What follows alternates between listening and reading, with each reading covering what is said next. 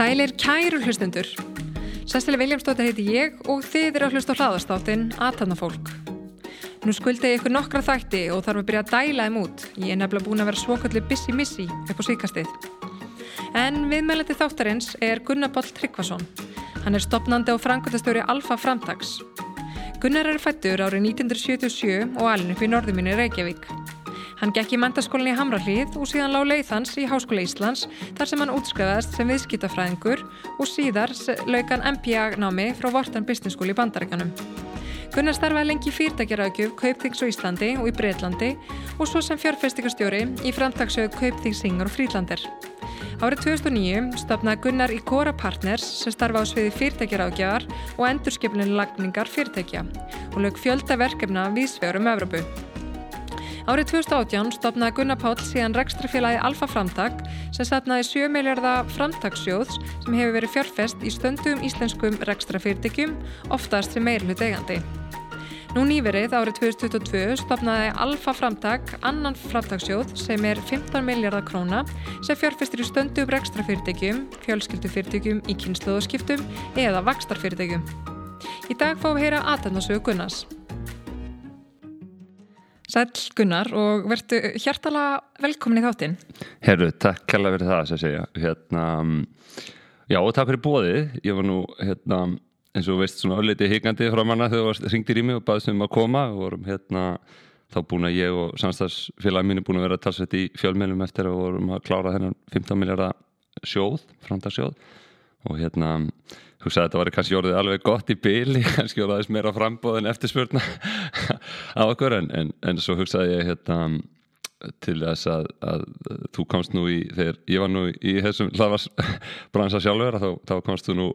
komstu nú í þáttintími með bara nokkra klukkutíma fyrir bara hérna. Já, akkurat Þannig að ég, ég, ég get ekki verið að segja nei við Nei við þig í því sko Nei, nei, mm. við, við hérna, erum akkurat að taka svona heila ring sko Já. Ég kom til þín og, og, hérna, og ég man það var bara akkurat svona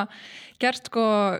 grína þessu í áramátasköpunu að, að, mm. að þetta var orðin svona heil ringur þar sem hlaðvarpa væri að fara í önnu hlaðvarp já, já, þannig að rétt. við erum alveg komin heila ring sem er bara mjög gott. Já, erum, að, erum að taka þetta allar leið hlaðvarp um hlaðvarp Já, í raun, sko, í raun. En hérna, ef við svona byrjum bara á byrjunum með þig hérna, hvað ertu alin upp og hvernig voru æsku árin? Já, ég er nú í grunninn sveita strákur Nei, ég, ég, ég er nú að ljúa því. Ég er nú hérna ég er borgarbann og hérna var ekki myndið að tala um í, í borgarstjöndarkostíkunum að vantaði hérna stolta reykinginga en, en ég er bara stoltur, stoltur reykingingur hérna fættur uppalinn hér. Og hérna Já, bara sem sagt ólst upp í Norðumýrinni hérna kjartnarskötu, rétt við Klambartún og það sem fólkdrar mínum er að búa ennþá og hérna fólkdrar minni Tryggvi Pálsson og Rannvi Gunnarsdóttir og svona mér miklar fyrirmyndir í, í hérna lífinu og, og hérna en svona daldi ólíkir ströymar kannski úr, úr, úr sikuru ættinni sko hérna maður segja kannski pappa megin svona daldi stór ætt sko þannig séð sko hérna Uh, þú veist eins og afar hans tveir sko, annar var hérna uh, þú veist Ásker Áskjesson fórsettiðara og síðan fórseti Íslands og hérna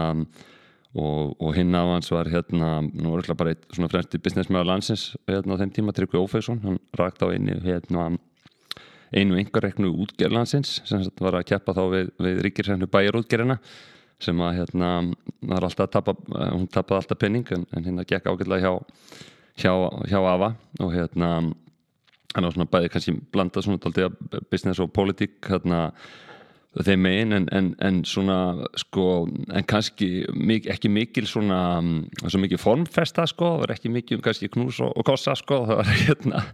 svona meira um, um hérna já passa svona já koma vel fram og, og hérna allt mjög gott fólk en, en hérna uh, en svo svona mömmu megin sko þar, þar var hérna um sem sagt uh, að minn Gunnar Björnsson og amma minn Lovisa hann hérna hann var efnaverkfræðingur og hérna dreymd alltaf um að, að ég færi í efnaverkfræð eins og hann og hérna hann var hérna svo, svo þegar ég fór í viðskipt ég var svona daldi, vombrið sko. Ég fór að vinna sig inn hjá bunkunum og hann sagði alltaf hann sagði svo við mig hérna herru þetta er nú bara að fara á hausinn og ég var alveg afið þú skilur þetta ekkert og svo, þetta er bara nýja heimurinn. Já, svo var þetta nú rétt og kallinum sko. En hérna, en það var sko við vorum þar, sem sagt mamma er eina, sem sagt átti sex bræður og, og hérna og afi, amma var sem sagt húsmóður og, og, frábært hún með, það var mikið þarna hjá þeim í kvassaliti 79 sem sagt hún með mjög mikið tíma fyrir okkur bandabönnin sem voru alveg óvendilega mörg en, en hérna afi var að vinna í tveimur vinnum svona til að fæða alla þessa alla þessa, þessa sjömunna og hérna mikið eh, hérna líf þar og, og, og um, Já og svona hérna, mikið mitt reyfist þar um, um líka um politík, engin með sömu skoðun og, og ég held að veist, mér líka mjög hátt rómurinn sko, fólk þegar, þegar það tala um mig, alveg svo þú fórst ekki með signal að lækja við rómurinn. Já, já, það er svona aðeins að bakka, ég var ekki öll að bakka frá mælknum Ég fæ þetta mikið sko, fólk þarf að lækja síman þegar, það heyrir í mér sko, þetta, þetta kemur klálega frá mömmu fjörskildi sko, þá eða að þú vilt að komast að það sko, þá þurftir að það vartur að hækka rómin sko. þannig að hérna, ég hef þetta en annars hérna já, þetta er bara mjög gott mjög gott uh, mjög góð æsku. Var hérna skólagangan efst í, í hérna skóla sem að sem að heitir í dag hátæskóli en, en hétt þá hérna því skemmtilega nafni æfinga og tilröndadeild kennarháskóla Íslands. Var það hugsað aldrei sem svona fyrir eins og fyrir kennaranema í kennarháskólanum að það getur komið og spreyt sig á á okkur og, og eftir aðeins. En hérna var alveg og, og reynir frábæð bekkur enda mjög óstillátur og, og hérna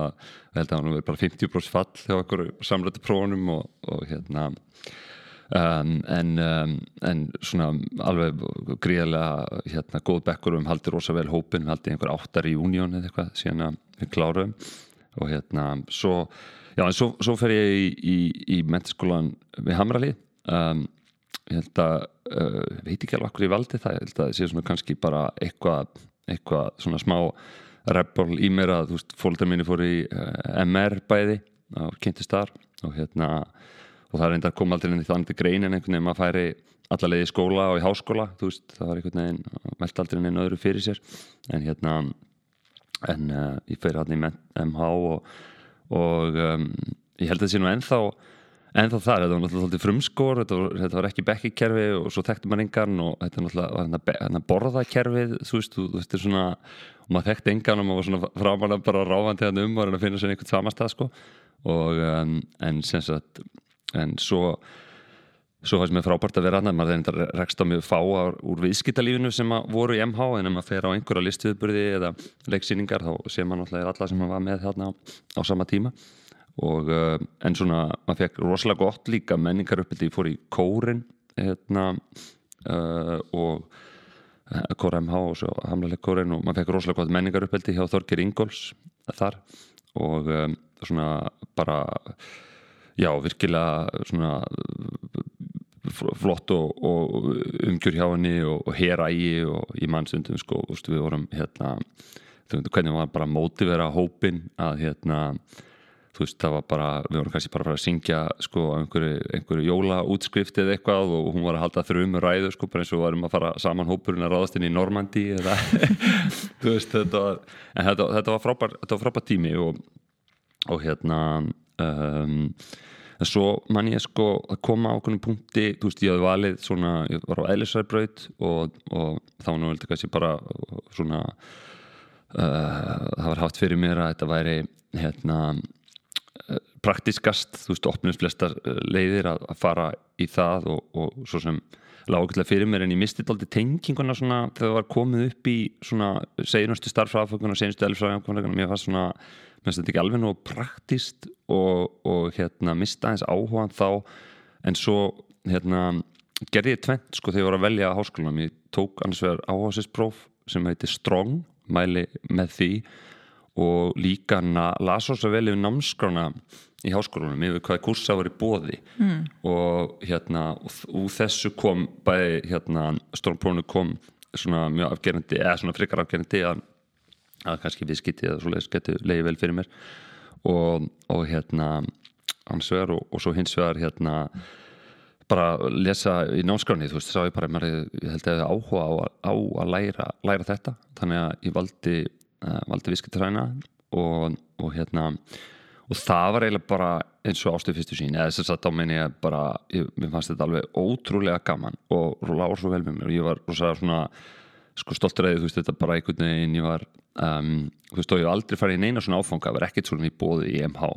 og að, hérna ég var samt orðin sko hæstur og í bara hérna reiknisaldi þú veist uh, hérna á fyrsta ári. Og hann Stefan Svavason hérna reiknisalskennari hann hérna uh, já bara, bara að leggja mér leggja fyrir mig sko Uh, reiknisalt sko. Ég, ég fannst það ekki alveg nú spennandi sko. En hérna um, þetta lágur svo vel fyrir mér og hérna gekk rosa vel í náminu. Ég endaði með að klára þar með hæstu engun sem bara hafi verið tekin á þeim tíma í viskita og hafraði deil ok, vel gert. Já, var rosa ánægð með það og hérna og fannst það líka svo gaman sko hérna, mér finnst þetta líka kannski komað eitthvað MH en eins og, eins og þú varst að tala um eins og áður þú, þú, þú er í svona skapandi sjálf sko að mála og í svona hlutum að, að þú veist, maður svona sér, getur sér líka alveg listina í business sko þú veist bara, ég meina þú veist, hvað er markasvæði en að þú veist, hvernig þú ert að reyna að ná til fólks þú veist, mm. á sem besta nátt og mm -hmm. stjórnum hvernig þú ert að reyna að ná því besta fram í fólki og fjármál, þú veist, hvernig þú ert að reyna að gera það besta úr sko þeim fjármönu sem hefur úr að spila og, og svona getur verið kreatífur veist, þessu búið til nýjum vörur og, og annað. Já, algjörlega, einmitt. Mhm. og svo hérna, og sérstaklega náttúrulega í nýsköpunni svo þú hefur verið að, verið að fari þannig að finnst þetta svo til að gaman og líka ég myndi svo mæla með líka fyrir fólk sko, þú veist, hvort sem það eitthvað er verið að reyna að ná þú veist, eh, að brengunum eða ekki en allavega, þú veist, eða, það- sama hvort að læra bara, að læra rosalega vel grunninn sko, þú veist, taka ekki páakugin og neitt, bara reyna að skilja þú veist, fundamentalinn ótrúlega vel, því að þú veist þegar þú er komið það og það var eitthvað að byggja og þá getur þú farið að leika þér og skapa setna og þetta er svo ótrúlega mikið á þessum tíma sem að þú ert að þú veist, læra hlutina og þú ferð út í atvinnulífið sko, að, að að ná þeim sem svona uh, grunnstóðum uh, rosalega sterkum sko. um, þannig að hérna uh, já, ég, nú ekki sagt sko, kannski að, að hérna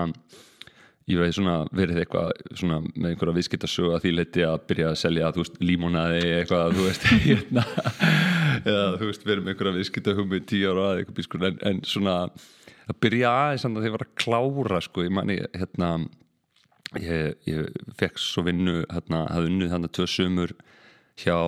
þess að kauptingi fekk vinnu hjá kauptingi sko, og kaupting það var svona bara, það var svona eiginlega sætasta sterfbólu ballilu sko, það var bara, það var það var eiginlega svona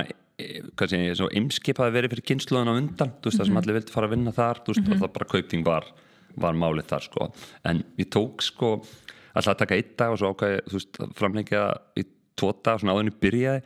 og hérna ákvað þá að sjá hvernig geti selt sko uh, lokareikjarna mína, ég hafði skrifað um sko kauprétti, líka valið efni sem var svona tólti topical á þeim tíma, það voru komið hérna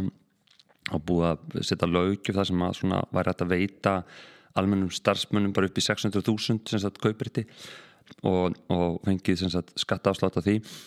Skrifaði reykjum um kauprétti og, og bara fór að selja hana og, og selda hana sko, seldi síðan einhver hundra eintök hérna bara á teimtu bara svona í símarsölu hérna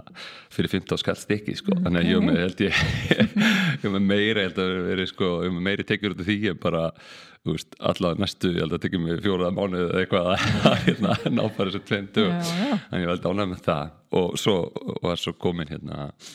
bara stuttu setna eftir útskritt að setja upp hérna fyrsta kauprættakerfi sem var tekið upp í Marel. Það var hérna og ég og Hörður Arnarsson sem var þá fórstjóri og hérna vorum að kynna fyrir, fyrir vélamannunum á gólfinu sko, hvað kauprættu væri og ég hafði einhver tjúklingur út af skóla. En hérna en það sem svona stóð upp úr samt á þessum árum hérna var náttúrulega ég hitti hérna konu mína sem er ein konu mín í dag, Karin Axels dóttir og hérna já, ég man alltaf eftir að, að hérna fólkdur minni svo alltaf um mig sko, var lítill svona, já, hérna 90% af lífsamingunni snýstum að finna rétta makan sko veist, þetta er ekkert endilega það hjá öllum en, en það er svo sannlega verið það í, í hérna, mínu tilöki og, og hérna, það verið ótrúlega að, að hérna, fara já, með henni bara gegnum svona mótvinda og meðvinda í lífinu og Mhm. hérna já, ja, já, heldur við stutt baki, vel við baki á kortaru um, já, en svo, svo var sko um, já, þannig að kannski um, þetta var ótrúlega upplifin hann eins og að fara hann í síðan kaupþing. Ég var náttúrulega hefði við neðan að tvö sömur og verið þá í greiningadeild uh, aftur talinn, þú veist, rosa góð grunnu sko upp á, upp á svona ef þú allar fram að þessu sviði Ná. og þetta var Útungunarstöð var Já. það oft, oft kallað Ég var nakkur líka í greiningadeltu Já, já, nákvæmlega við veitum við að vera að horfa á þessa praktísku hluti að Já. þessu tíma sko. og, og hérna þetta, þetta var sko fyrsta greiningdeldi sem var, sem var sett á laggina sko. og hérna, hann var hérna Þorsteinn Víglundsson hérna, sem var svo setna hérna, hérna fyrir, fyrir viðreist var hérna, hann stýrði dildinni og, og hérna og, uh, og svo Uh, þetta var mjög skemmtilegu tími og, og mjög gaman að fá að greina þessi fyrirtæki. Og þetta náttúrulega var svo mikið líf á markanum sko. þetta voru, það var að hápunktinum ég held síðan hann að 2001 það voru 72 fyrirtæki skráð á markan nú erum við að tala um líf í markanum núna mm -hmm. það er eitthvað rúmlega 20 fyrirtæki eða eitthvað skráð þannig að það bara allir ammaðir að voru skráður í markað og líka það voru svo mikill áhug hjá almenningi sko, og við, vorum náttúrulega bara að fatta hvað verðbjörnmarkaðum var einhvern veginn sko, og, hérna og það má segja kannski mörgulegt þessi ungæðingsmistök sko, þú veist, ef við fórum frá því bara að fatta hvað þetta var og svo bara yfir því alltaf að fara að kenna heiminum sko, hvernig fjármál virkuðu sko, hérna, setna þú veist, en það var þú veist, þessi það var svona svo rosaleg orka, rosaleg sköpunarkraftur og það, og náttúrulega mjög mikil ákefð og auðvitað kom svo ákefð í svo í bæki á, á mönnum og hérna, þessi mönnum að þú veist, þetta voru náttúrulega fyrst og fremst kallmenn mm. er alveg En alltaf á þessum tíma þá náttúrulega líka voru bara, þú veist, þessu össur og bakkafur og, og svona, í rauninni svona flott fyrirtæki í rauninni að komast líka á legg og Já. meðal annars út af því að það kannski var þarna uh, svona að opnast ákveðin fjárfestingar uh, tækifæri sem hef, hefði ekki verið áður eða þess að þetta er rauninni fjármjögnunar tækifæri Algjörlega sko og, og það sýnir líka þú veist þessu hvað svo mikilvægur þessi, þessi markaður er að, að hérna, geta stutt í minna þessi fyrirtæki hefðu ekki geta orðið þú veist eins og Marel og Össur og svona hefðu ekki geta orðið það sem þau svo hafa orðið í dag þú veist Actavis og, og hérna og fleiri nema, nema út af því að hafa rosalega sterkan sko, já, kannski fjármálakerfið að það geta stutt og það er náttúrulega gaman að það þú veist, stendur eftir, þú veist, eftir þessi eftir þessa útrás sko, að, að hérna, hvað það stendur eftir og, og er enn að gefa vel eins og í þjóðbúði sko. En hvað varst að gera á þessum tíma hjá Kopiðingi þannig í kringum 2000? Já, ég sko er þarna fullustarfi klára 2000, 2000 í viðskiptræni og hérna uh, er svo í fullustarfi 2000 til 2003 sem sagt, og í fyrirtækja ráðgjöfni og það var hérna það var alveg frábæru tími menn þetta var sko uh, þú veist frá því uh, þetta var bara það var einmitt fyrir að fara yfir svona pípu af verkefnum sem sagt uh, sko sem hafi verið hérna uh, hvað 98 eða eitthvað svo leiðis og þá var allir með sér svo skráning nýherja og þar var sko þóknunin 50 eh, held ég, 50.000 eða 500.000 eða þetta var eitthvað svona veist, frá því að þú veist að gera veist, einhverja risa díla ellendis, þú veist, eins og já, náttúrulega þessi kaup hérna bakkafur og katsuris fresh food um, já, þar var ég til dæmis að vinna sko, koma því og líka sko grein, eh, vinna til dæmis þegar, greiningarinn þegar þetta var verið að setja þetta á, á markað Um, já og bara þetta voru mörg fjölbreytt sko verkefni eins og segir út á svona hérna hjá, hjá SZ Baugur og taka sem fyrstu skref hann úti.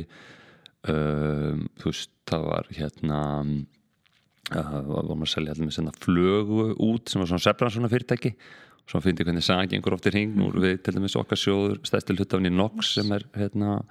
sefran svona fyrirtæki um, já, bara ótrúlega mörg skemmtileg fjölbreytt verkefni og, og bara ótrúlegur í rauninni skóli sko allir þessi ár, þú veist, hvað maður var hendi einhvern veginn í, í djúbulögina sko. En, en ég samt sko 2003 þá fer ég ákveði fara í MBA nám og fyrir hérna Uh, ég hafði einhvern veginn alltaf, ég var bara bitið í mig sko, ok, fyrst ég hef búin að læra business þú veist, langar mig að læra meira og þú veist, hver eru bestir í business, þú veist, það eru bandarækjumenn mm -hmm. og þú veist, bara, ok, hvað er besti skólinn, flettu bara hvað er besti skólinn? Og það var Vorton á þessu tíma. Og hérna, og þú veist, þannig ég var bara einhvern veginn búin að býta þeim og ég manna hérna, yfirmæða minn, sko, þeim tíma hérna, Ármann Þorvaldsson hann, hann sagði, ég var uh, kann nám sko með uppgangin sem var og, og hérna uh, en ég var einhvern veginn ákveðin og, og hérna en svo var ég náttúrulega mjög þakkláttur því að, að, að sagt, uh, þegar, þegar, þegar hérna bankið sá ég ætlaði í náma þá voru þeir svo almennilegir þú veist þeir, þeir eru inn í stuttum í náminu þess að uh, gegn því að, að hérna borguðurinn í vinnum í námi. Við fekk reyndan einhverja þrjáðara styrki bara út á námsárangur en hérna þeir fóru inn en, en já hvaða sem sagt um, þeir stuttum mig gegn því að ég kem að vinna hjá bankarum eftir ég kláraði mm. og um, sem sagt og, og, um, og það var náttúrulega bara meira þetta því að þetta var rosalega dýrt að fara svona út í nám já. og ég var þá líka komið tvö og konar var komið tvö lítið börn og, og hérna þannig að, þannig að það já, var rosalega gott veist, og þá fór ég ekki úr svona einhvern veginn stórskuldur eins og margir gera þegar komu svona námi hérna mm -hmm. það var rosalega hérna uh, gott en, en hérna já. Var ekkit mála að rífa alla með rótum alla fjölskylduna bara og fara út? Jú, það var og, og í rauninni svona sko það leiði þessu í bandaríkjunum að þá, þá gafst ekki hérna um, þá gafst ekki starfa eins og konum ekki pengt ekki aðnurlefi og en hún var svo sjálfbóðliði sko í, í hérna sjúkraþjálfunar miðstuð þarna og tók prófi í engaþjálfun og, og annað en, en skatt ekki pent unnið. En, og vildi svo fara í meira nám sjálf þannig að veist það var, var dýlinn okkar og hún fengið að þú veist að, að, að hún, hún, hún valdi raunin hvert við fóru síðan eftir, eftir námið og fór þá í London School of Economics valdi að fara þangað. Og sem betur fer þá eins og með kaupning þau voru komið þá með starfstöðar og svo mörgum, mörgum stöðum að hérna okkur langaði ekki beint heim uh, þá. En hvernig voru árin í bandaríkjunum hjá ykkur? Þau voru bara frábær sko og ég er svona þetta var náttúrulega fyrst þú veist bara taldi að koma, taldi mig að vera góðan í ennsku en þú veist bara komast inn í ennskuna þú veist svona bara flæðið í business ennskunni það tók smá tíma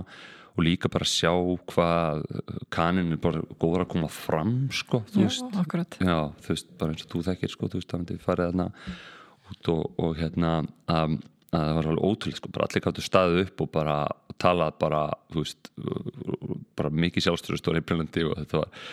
og svo eh, fannst mér náttúrulega magna líka að fara þeir náttúrulega nota í þessum skólum eins og svona case study aðferð að, að sem er svo eh, góð sko upp á að, þú veist, miklar umræðar í tímum og alltaf hend einhverjum nýjum svona situationum um fyrirtæki á, á fólk og myndast svona tjúbúk og umræða uh, um þetta. Og ég held, þú veist, umlað fólk held ég oft kannski svona þessi komast undir múr raungrinu með eitthvað svona pjóra bara þú veist, uh, erum við kannski vanir í að það sé eitthvað eitt ákveð svar. En í business, þú veist, það er þetta getur oft svo breytilegt, sko. Ég menn eins og þeim tíma við vorum að taka case með, með Dell, Dell var búið að leggja yfir þessi tölvumarka en út af því að þeir voru búin að kötta út sko rítilin eða þess að þú veist að selja í smá, smásölu tölvunar þeir voru bara að gera þetta þú veist þannig að fólk nálgast á beint köttu út rosalega kostnað og voru alveg bara að dominera sko. en þú veist en svo breytist það, svo setna mér þá allt í nú Apple opnar þá gátt að fara að opna smásölubúðir sko. þú veist og þá er það einhvern veginn svarið þú veist þetta er alltaf, mm -hmm. þú veist mhm. business er alltaf svo lifandi en alltaf á reyfingu það er alltaf eitt ákveð svar, þú vart alltaf að vita samengið og í hvað samengið þú vart að koma einhverja lausnir og hvernig, þú veist, hérna já, tímasetningarnar og allt já, já tímasetningarnar og svona, og svo reyndar annað sem dróð mig að skólanum að, að þeir leiðu mér að, að ég kann teki stöðupróf. Ég sá bara svona í öðrum skólum þú veist, svona, tókskólum Harvard eða Stanford eða svona, þá bara gegstu beint í námið og férst ekki neitt met en ég var alltaf með viðskiptagrunn og mér langaði að þú veist að að hérna langaði ekki að taka kannski alveg grunninn sko, það var fólk að koma með annan bakgrunn í MBA-námi, þannig að þeir leiði mér að sko ég tók einhver svona stöðbró fekk sjöfög í rauninni metin. Þannig að sko ég gæti á valið hérna, tók fleiri valfauðstæðin og var nefndir eins og kongur hérna á setna árunnu sko því að ég hafði, að, þetta var svona auction kerfi og ég vann mér eins og mikið af punktum fyrir að taka einhvern veginn valfrá þannig að ég gæti bóðið í hæstu kursana ég náði að taka, ofkastu bara tekið kannski einhvern kurs á einum maks tveimur af svona allra vinsalistu kennurunum sko. Og ég náði að taka alveg fjóra sko. Þú veist, Private Equity Venture Capital Negotiations uh, hérna, kursi á manni sem er Jeremy Siegel um markaðina sem var svona algjör hérna mestari og, og hérna annar um hérna, business strategy hjá hérna manni sem var náinn samverkað maður Michael Porter sem er svona góðið fæðir mm -hmm. strategíunar mm -hmm. þannig að þetta voru rosalega góða og svo líka bara það sem að voru þá einhvern veginn eh, skólanu voru með á lás þá en hefur opnast aldrei síðan sko með að tilkomu bara þú veist, YouTube og allir sem við getum fengið aðgengi af svona mörgum sérfræðingum en þarna voru alltaf bara að koma ótrúlega margir svona bara business svona, þú veist, topplið bara úr, úr viðskiptun á campus, tala við okkur já, ég myndi árætta bók hérna, Jack Wells hérna, hérna sem að svona, mm -hmm. Gunnar Keep Winning sko, hérna, bóki, hérna sem að gaf átt sem heitir Winning og hérna sem við vendum svo er ég tímum hérna með hérna Ivanku Trump já, já. og hann var hérna undergraduate náminu þessum tíma og okay. talaði mikið í tímum hérna þó maður sinna ekki mjög hrifin af þeirri fjölskyldu til að nei, nei. en þetta var, jú, þetta var alveg frábær, frábær tími og hérna mjög skemmtileg, skemmtileg ár En svona, hvað tókst þú svona mest út úr þessu persónulega? Hvað heitlaði hérna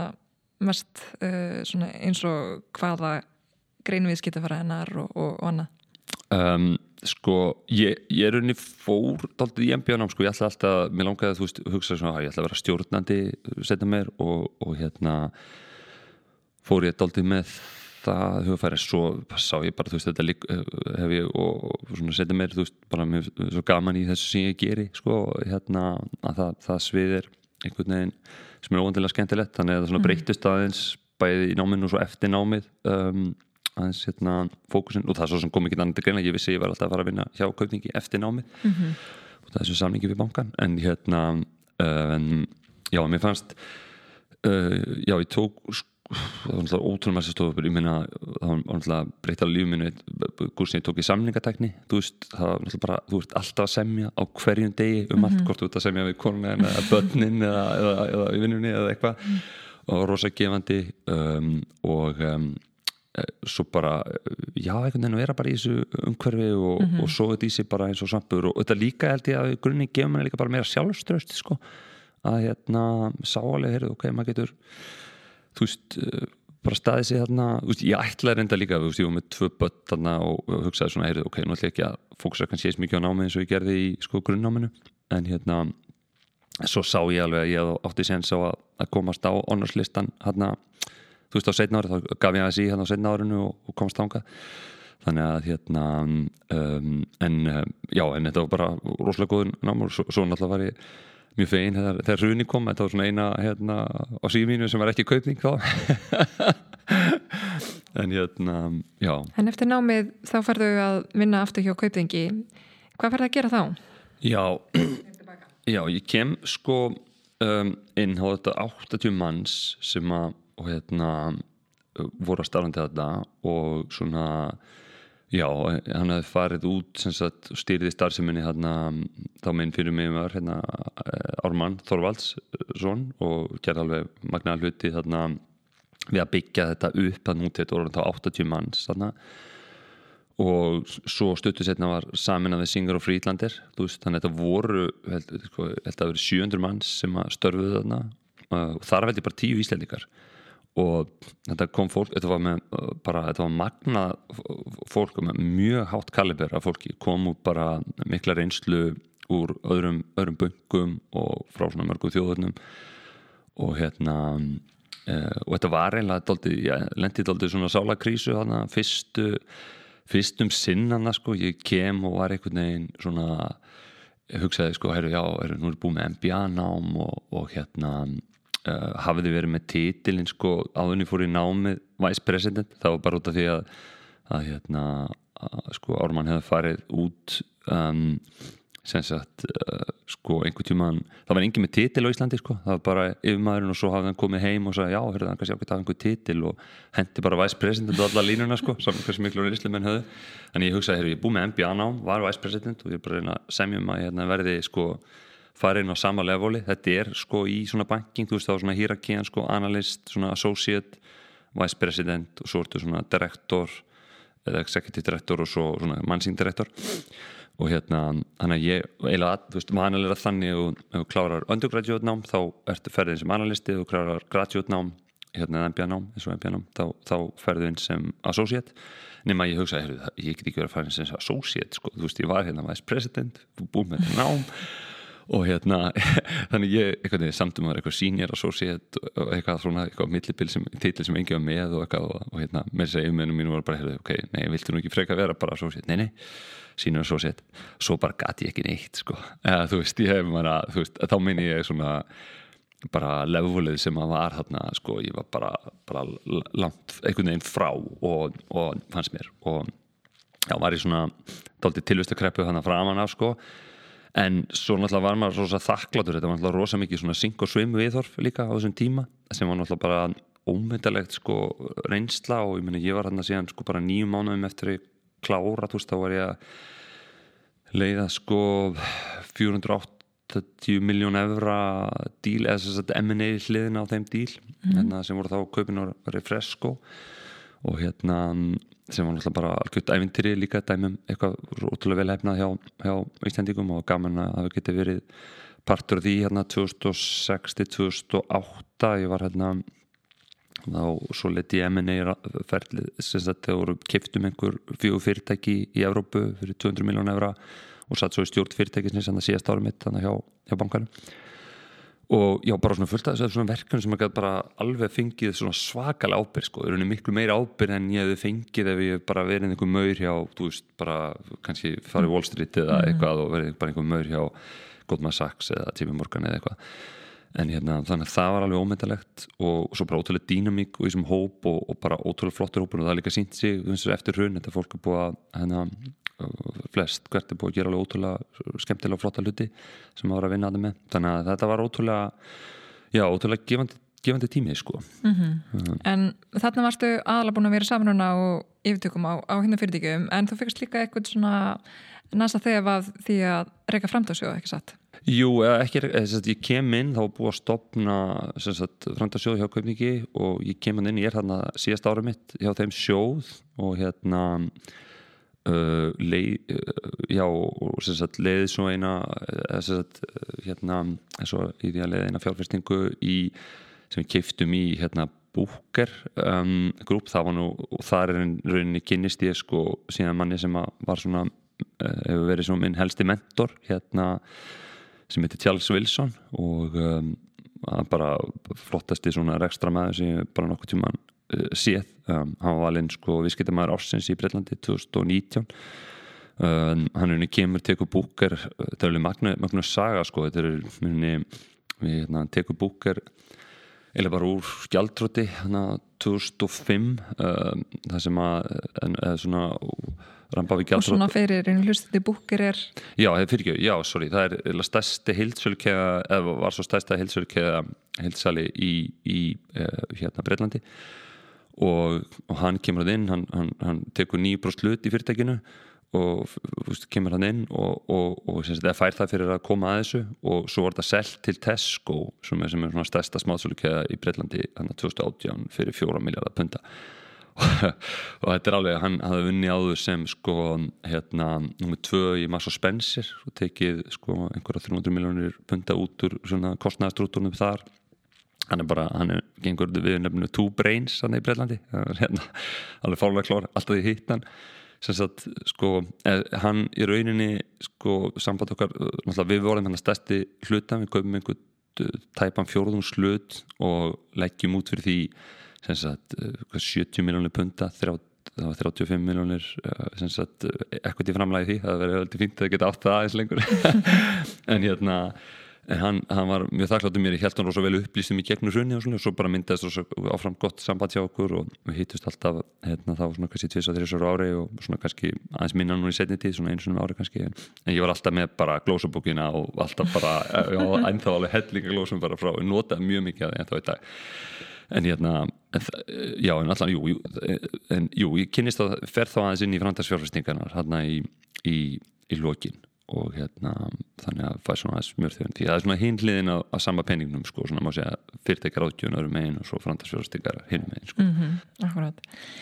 en, en síðan kemur hrunið hérna uh, oktober 2008 og hérna þetta er orðin svona stöðluð spurning hérna hjá mér í þættunum þetta er alltaf svona ákveðin vendipunkti bara í, ísl, í íslenska hagsögu sko. Já en hérna hvernig var svona að vinna í banka á þessum tíma? Getur kannski aðeins svona sagt okkur frá atbráðrásinni svona í, að, í aðdraga hrunsins? Já, sko þetta var náttúrulega rosalega vendipunktur ég held að bara muni allir sem að voru komið til kannski við svo ára bara, þú veist, hvað þeir voru þegar, þú veist, kom hann að Guðblessi Íslands ræðan, marstu hvað þú varst? Já, já, og ég, ég var í skóla hérna í Flórida og svo Já. bara ekki fram að geta greitt húsalegin og sko og bara Já. fá peninga út sko til að greiða þannig þetta var, þetta var svona lí- líka bara svona rúsnesk rúlega að fara í hraðbankan maður vissi ekkert hvaða gengi var. Já, þannig að ég man vel eftir þessu en ég var samt ekki í, í hérna ringunni, ég var í sólinni sko. Já, já, Úti. já, Já. einmitt. Og ég, svo sem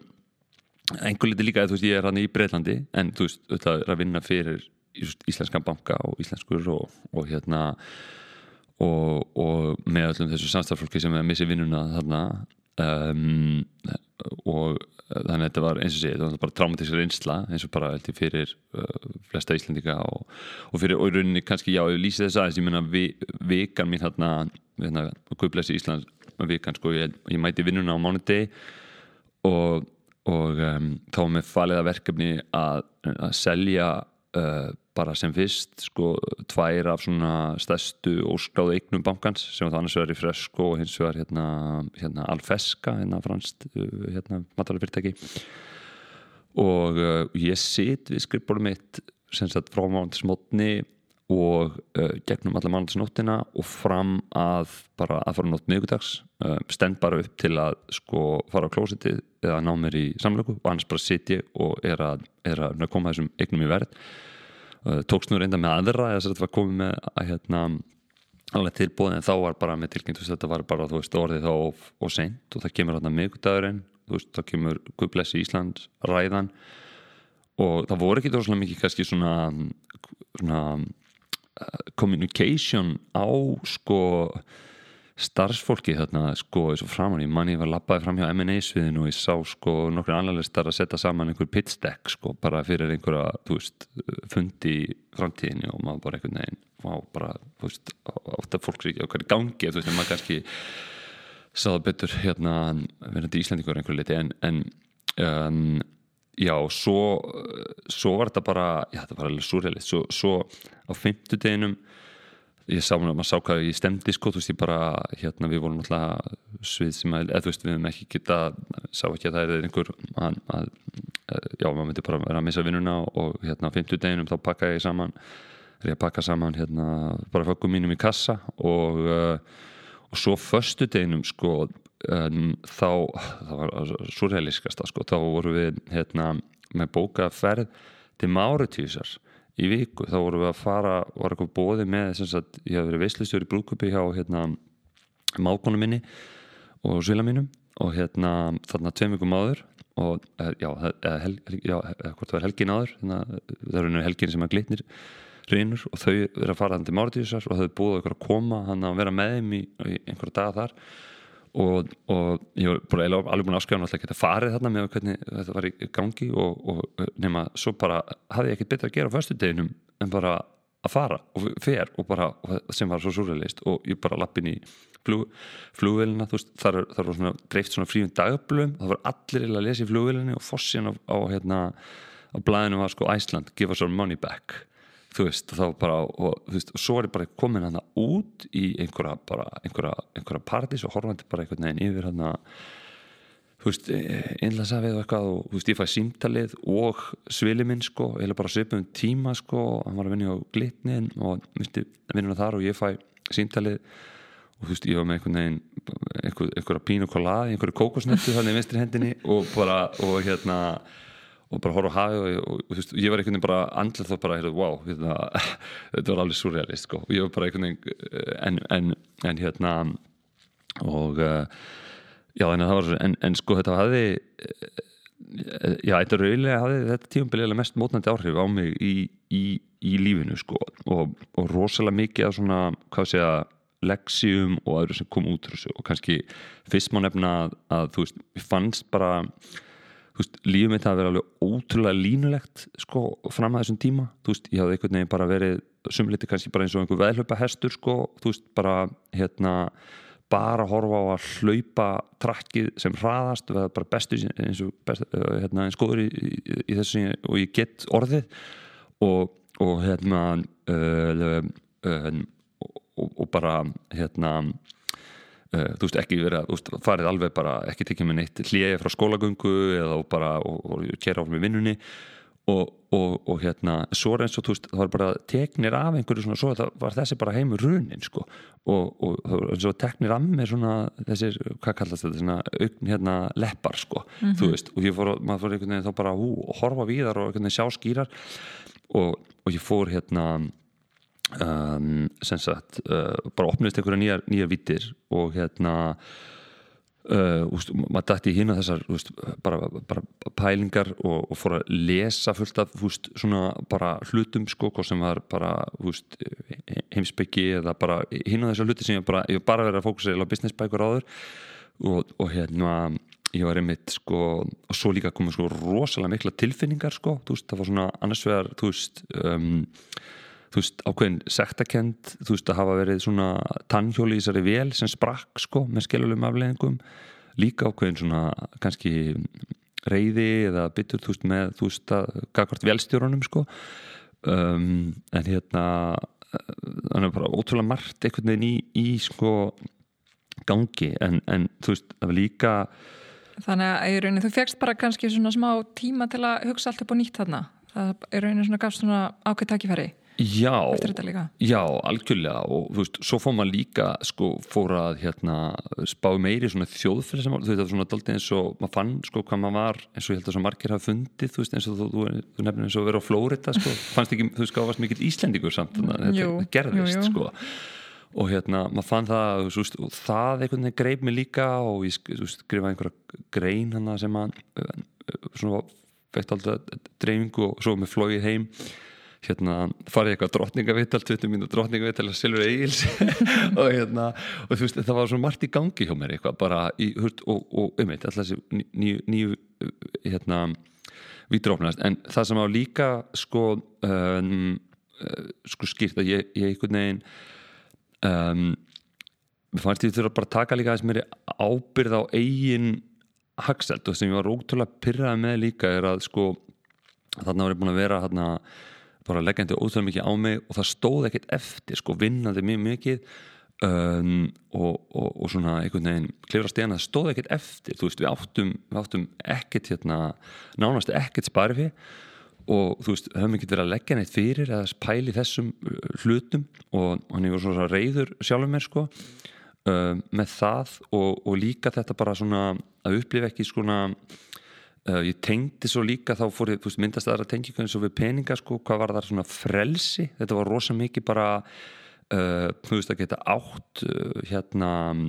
tíma minn veist, og, og hérna lasið mitt eina bók hérna sem heitir Your Money or Your Life með konu sem heitir Vicky held ég eitthvað, Roberts eitthvað. Og hérna og þá varum við að tala um þú veist hvernig við erum alltaf að selja lífsorkun okkar fyrir hérna tíman okkar. Og, og þarna eins og ég bara stóð ekkert eftir og þú veist, ég einhvern veginn ég tók það bara á og, og, og hérna upplýði líka sko um, það var annað líka hvað var þetta með frelsið að þú veist, ég hafði ég hafði skrifað einhverja grein hann að sko, einhvern veginn byrjun 2008, þú veist, það var svona þá var maður svona farin að hafa alltaf ágjör á sko, duldri skuldsetningu í kerfinu og einhverju hlutum og ég ætlaði svona eitthvað að byrta hana og hérna, yfirmann minn á þeim tíma svona bara, heru, þú, þú tekit að fara að byrta hérna, þetta, þetta er bara ekki veist, þetta er bara sikalt fyrir karrieriðin sko. og veist, ég er enga veginn að halda þig fram að ég kannski hruni fyrir, sko. ég var alveg drinkið með Kool-Aid sko. hérna, allaveg með það en, en veist, þarna líka bara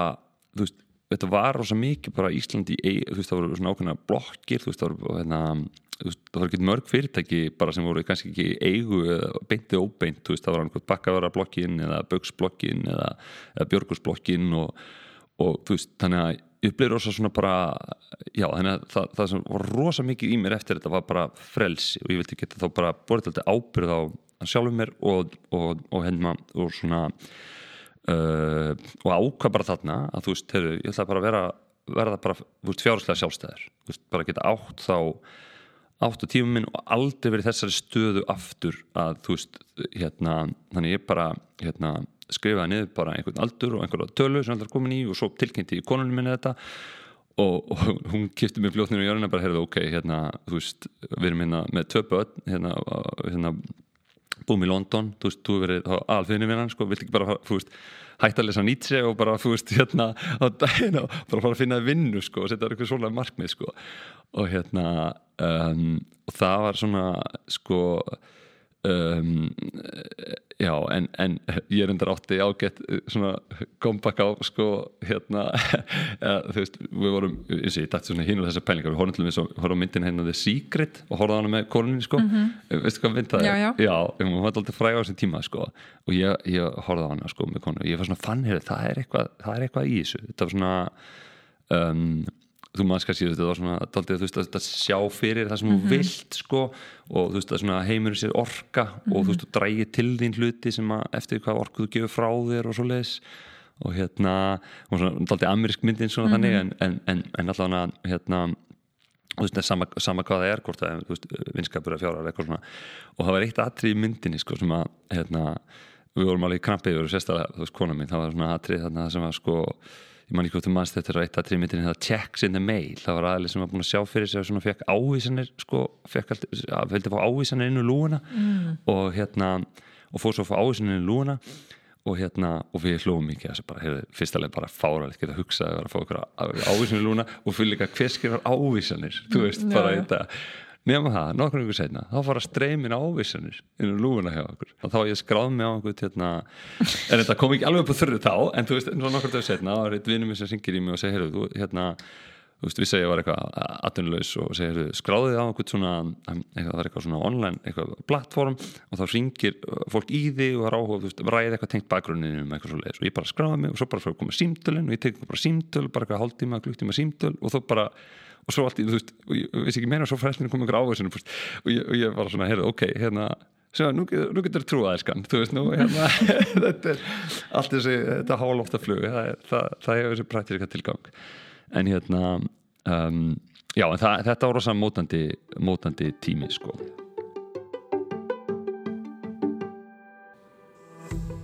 Ég ger hér stutt hljóð þættinum og flytt ykkur skilabóð frá glænýjum kosturnaðala Eins og allir atvinnureikandur og stjórnendu vita þá eru fyrirtæki ekkert án starfsfólksins og þá þýr ekkit annað en að hafa það ánað. Því er tilvægleg fyrir fyrirtæki að gera ferðarsamning við Æslandir sem sér um að finna bestu ferða áallinir, hagstaðistu fargjöldin og halda utanum allar upplýsingar fyrir starfsmennina. Því líkur luxus og þjónsta, segi ég. Og aftur að viðtalinu. En... Uh, hvað gerur næst? Þú náttúrulega ákveður að fara, fara á stað með í Kora Partners getur þú aðeins sagt okkur hvernig það kom til og hvernig það fór á stað? Já, eða sko já, þetta kemur þannig til að hérna uh, sko upphæðið er að hann hefur sambandið mig, hann hérna uh, Fridrik Jóhansson og hérna uh, sem að hafið þá verið fórstur í ströms og burðarás á sín tíma, hann verið frangatisjóri Eimskip og stýrt fjárstingafélaginu burðarás í tíu ár. Um, mjög hérna mætu maður og bara mikil gæfa hjá mér í lífinu að kynst honum og henni með honum. En hérna hann hefur sambandið mig og, og þá hafa hann verið búið að að koma inn og hjálpa og verða frangatisjóri fyrirtækist sem Nordic Partners og hérna var með eitthvað 60 miljardar þá hefði verið með þessu fyrir eitthvað 60 miljardar eignasafn og eitthvað 60 miljardar í lán hann einn og hérna og hann sem sagt sko um, já og hann hefur sambandið mig. Og reyndar sko var,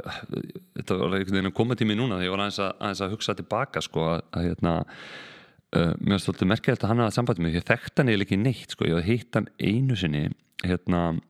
Uh, hann hafði komið þá á hjólaskautum heimtími þegar ég bjóði í London með hérna samilir vinkon okkar, Lindu Jónsdóttir hérna sem er hjá Mærel og nema að svo hérna ég var einmitt að hugsa sko að getur nú vel verið að hérna, að mig Gunnar hafi nú eitthvað komið að þessu. Því að að hann eða óbeint, andi hans má segja hann sko hérna deyr hann í áspyrjun 2009 og hérna uh, hann er mitt sko kallaði þetta með til sín sko nokkru vikum á hann að deyr og, og hérna og gaf mér sko, sem skildi ekkert á þenn tíma hann mér hérna gamla tíska bók með efnaverkræði sem var kennslubóki á honum sko og ég bara akkur af að gefa mig þetta? En þá var hann fundið að þú veist tími sinn var að líða og einhvern veginn lífskorturinn að fara úr húnum og deyr hann að stuttu setna og hérna en þessi reynd alltaf ég hef farið í fetta í hans fótspór í efnaverkræðinni mm. en ég sé freyri gútnöndum er í jarðaförinni hérna hjá afa mínum og hérna og, og sem sagt ég reyndar sko fattaði svo ekkert hérna akkur þeir tengdust sko það, það kom ekki aðeins fyrir fyrir setna þegar komið ljóð sko að hann hafði keift húsnaðið af AFA sem sagt kvassaliti 79 sem voru eða æskustöðanir hjá, hjá sem var mjög mikið hjá afinu ömmu. Og hann hérna, það hérna mér fyndi hann var búin að setja, þess að hann var búin að rústa öllum æskuminningum mínum, hann var búin að setja til dæmis, búin að breyta öllu húsinu og það sem að mamma og, og, og bræðurna sex, það sem þau sváðu öll sko, þar var bara eitt púlborð þau þá múin að taka herbyggjum það síndi hvað herbyggjum voru lítill á þessum tíma sko. mm. og hérna, en allan hann hefur sko, hérna um, sagt, sko um, sambandi við mig hérna april 2009 og þá hefði hann beðin um að koma inn í þetta verkefni og þá var það þannig að, að, að hann hafi dáið sko sagt, uh, stofnandi félagsins eða frangatastjóri sem heit Gísli Reynisson hérna um, og um, og hann sagt uh, hann sko maður og hann var eiginlega með allt í kollinum svona hvernig þetta var. Og, og við sko þetta voru ykkurar uh, sagt, þetta var svona frumkvæð landsbankans við komum það inn gamla landsbankans og þessu, þetta, þetta var sko flóknasla útlánamálið sem þeir voru með. Þetta voru hérna fengu, fekk hann í hendunar eitthvað, fengum eitthvað skipuritt í hendunar sem var þá 20 ára gamalt með fyrirtæki, eitthvað 70 fyrirtæki og eða eignarhansfélög í nokkru löndum og bara hérna sagt að þú veist þetta var eiginlega vittlu skipuritt það var sett saman. Þannig að þetta var svona, þetta var eitthvað allir klein og svo var allt í íldelum um millum stjórnendana og hlutafana og, og bankans og, og líka náttúrulega bara mjög óvis á þessum tíma. Þannig að við, vorum eitthvað fyrir að koma þess inn í þetta ástandur en að hjálpa hérna alveg eh, hérna, alveg bankarum að finna einhvern veginn útrúsu og hefur svo samband um mig og hérna og, og byrjum um að koma með sér í þetta og uh, um, en þetta var algjörlega óskilkind sko. þetta var bara, heyrðu, getið komið að hjálpa okkur eitthvað, við getum ekki lofa neinu við skulum borga mm. hérna einhver veist, smá laun í þaustir á mánuði og þú veist, svo bara veist, sjáum bara til hvað verður sko en ég einhvern veginn svona þú veist, hérna sagt, sé bara á fyrsta fund okkar friðriks hérna að þú veist hvað, bara góð kemistri á millakar og svo hérna sest það þessi verð og ég er unni á fundið tvöð og segja alveg fyrir heyrðu, hérna,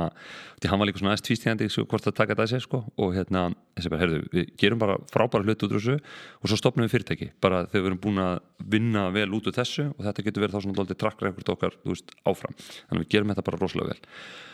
Og hérna, og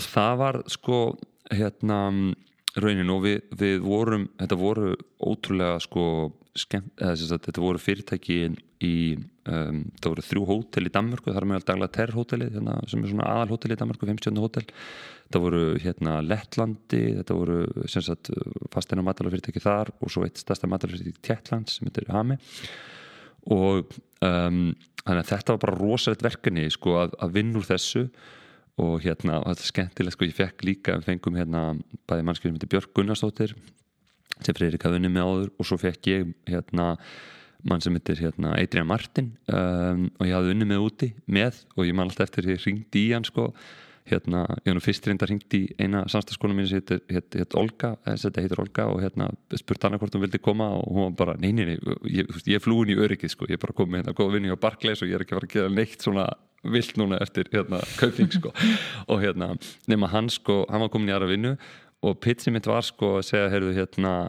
veist, hérna þetta, er, þetta, er, þetta er miklu örgara sko en kaupning sko því að þessi banki sem er að bjögur um að koma inn í þetta hann er þegar búin að fara á hausin sko hann er ekki að fara á hausin aftur.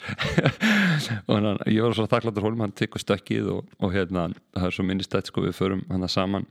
hérna til eh, sko Lettlands á, á fyrsta eh, fundin sko. Og hérna hann var reyndar sko hann er Ástralja sem sagt, fólkið hans á Sri Lanka sko, tók tóltið tíma fyrir okkur að komast í gænum landamæri eftir hann var hérna, svartur og hörund sko hérna, ég veit ekki hvort þeir eru vannir að fá hérna, allan, hann var, var alltaf mjög lengi í gænum landamæri eftir og hérna, allan, svo komum við hérna og, og hittum hann að fjármálastjóran hann næstu tveir metrar á hæð sko. Og hérna, og hann var að kynna okkur einhver plön hann með sko businessina og þetta var hann alltaf að fara að vaksa um 25% á árinu næstu 7 árin og við fórum svo eitthvað að pota þessi plönin sko.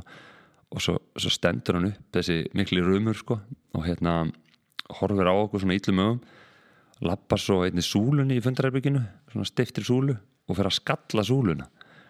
mm. og hérna já, og hann hérna hann, hann, hann eitri hann sko hann horfði á mig bara eftir fundinu og sagði bara Gunnar, what were you getting me into here sko hérna mm. og hérna en, uh, en svo, þú veist, en þetta var alveg ótrúlega verkefni því við þurftum að, að, að, að ná einhvern veginn bæði utanum allar eigninar, ná tengingu við allar hagaðalana uh, og um, þetta voru náttúrulega rosalega flott fyrirtæki í grunninn, því að þú veist eins og fyrirtækinni í Lettlandi, þetta er bara eitt þekktasta brand í öllu Lettlandi, þess að þú veist, eru með klukku hérna að torginu sko sem er mert að læma. Ef þú fer í súpermarkaðina, þú veist, þetta er alveg með ég veit ekki hvað, 10-15% bara hilluplási frá, vöru frá þessu, þessari fyrirtæki samsteipu og hérna rosalega flott sko hérna, fyrirtæki. Og, og hérna og svo og sama með eins og tjekniska fyrirtæki um, og hérna dan, dansk, við lendum líka rosalega með eventyrum hann í, í, í Danmörku sko því að þar, þar var hérna Sagt, það var eiginlega mest svona krúselverkani þegar fórum hann inn veist, það var, það var sagt, þóttu að veri sko eins og daglega terrið mjög þekkt þetta er svona alveg mjög, mjög þekkt að það og mikið fjalla með þetta bara í business pressunni það er eitthvað að gerast þarna og svo leiðis en þeir hérna um, sko þegar koman inn þá var búið að setja tví eða þrýgang inn svona neða fjármögnun frá landsbankanum, þú getur ímyndað hvað var vinnselt sko skilalend sem var að sapna inn pening sko það var að mhm. dælast út sko mm -hmm. hérna peningur. Og allavega þeir hérna við komum inn, fáum einhverja kynningur á stjórnendum. Þú veist það eru vandamáli núna baki þetta er allt í lægi og eitthvað svo leiðis og ég spyr eitthvað hérna, herðu, hérna hvernig, hvernig kassflóði hefur okkur og þá hérna lappa, sko frangvæntstjórn upp snýr við lokka sín á heimabankan, snýr við tölfunni og sínum við sko kassstöðun inn á heimabankan og ég man ekki hvað var, þú veist eitthvað hérna, kannski 20 miljónum danskar eða eitthvað, ég spyr hérna já hérna, hvað er og hvað, nú eru nokkrum dagar frá mánamótum, sko, hvað er, hvað er hvað, hver er launin sem þetta borgar núna í mánamótin, þú veist, þá voru það 25 miljónir, þú veist, þetta var alveg þú veist, og það var sko bútís öllu, öllu hérna, bókaldi og engi fjármálustjóri, fórstjórin uh, hérna, þóldi ekki tölur eða þóldi ekki þóld tölur, það var bara allt í skralli sko, og hérna, þannig að það var rosalega gaman og ég held að við munni okkur líka rosalega inn svona credibility í vinnubröðum með að þú veist, hérna mörgundur störf líka hjá öllir grúpunni þú veist bara á húfi og, og hérna margi svona já, skemmtileg karakterar þú veist að kynast og kynast líka þessum svona þjóðum sko. Bara eins og lettónu til dæmis þú veist bara sjá söguna hjá þeim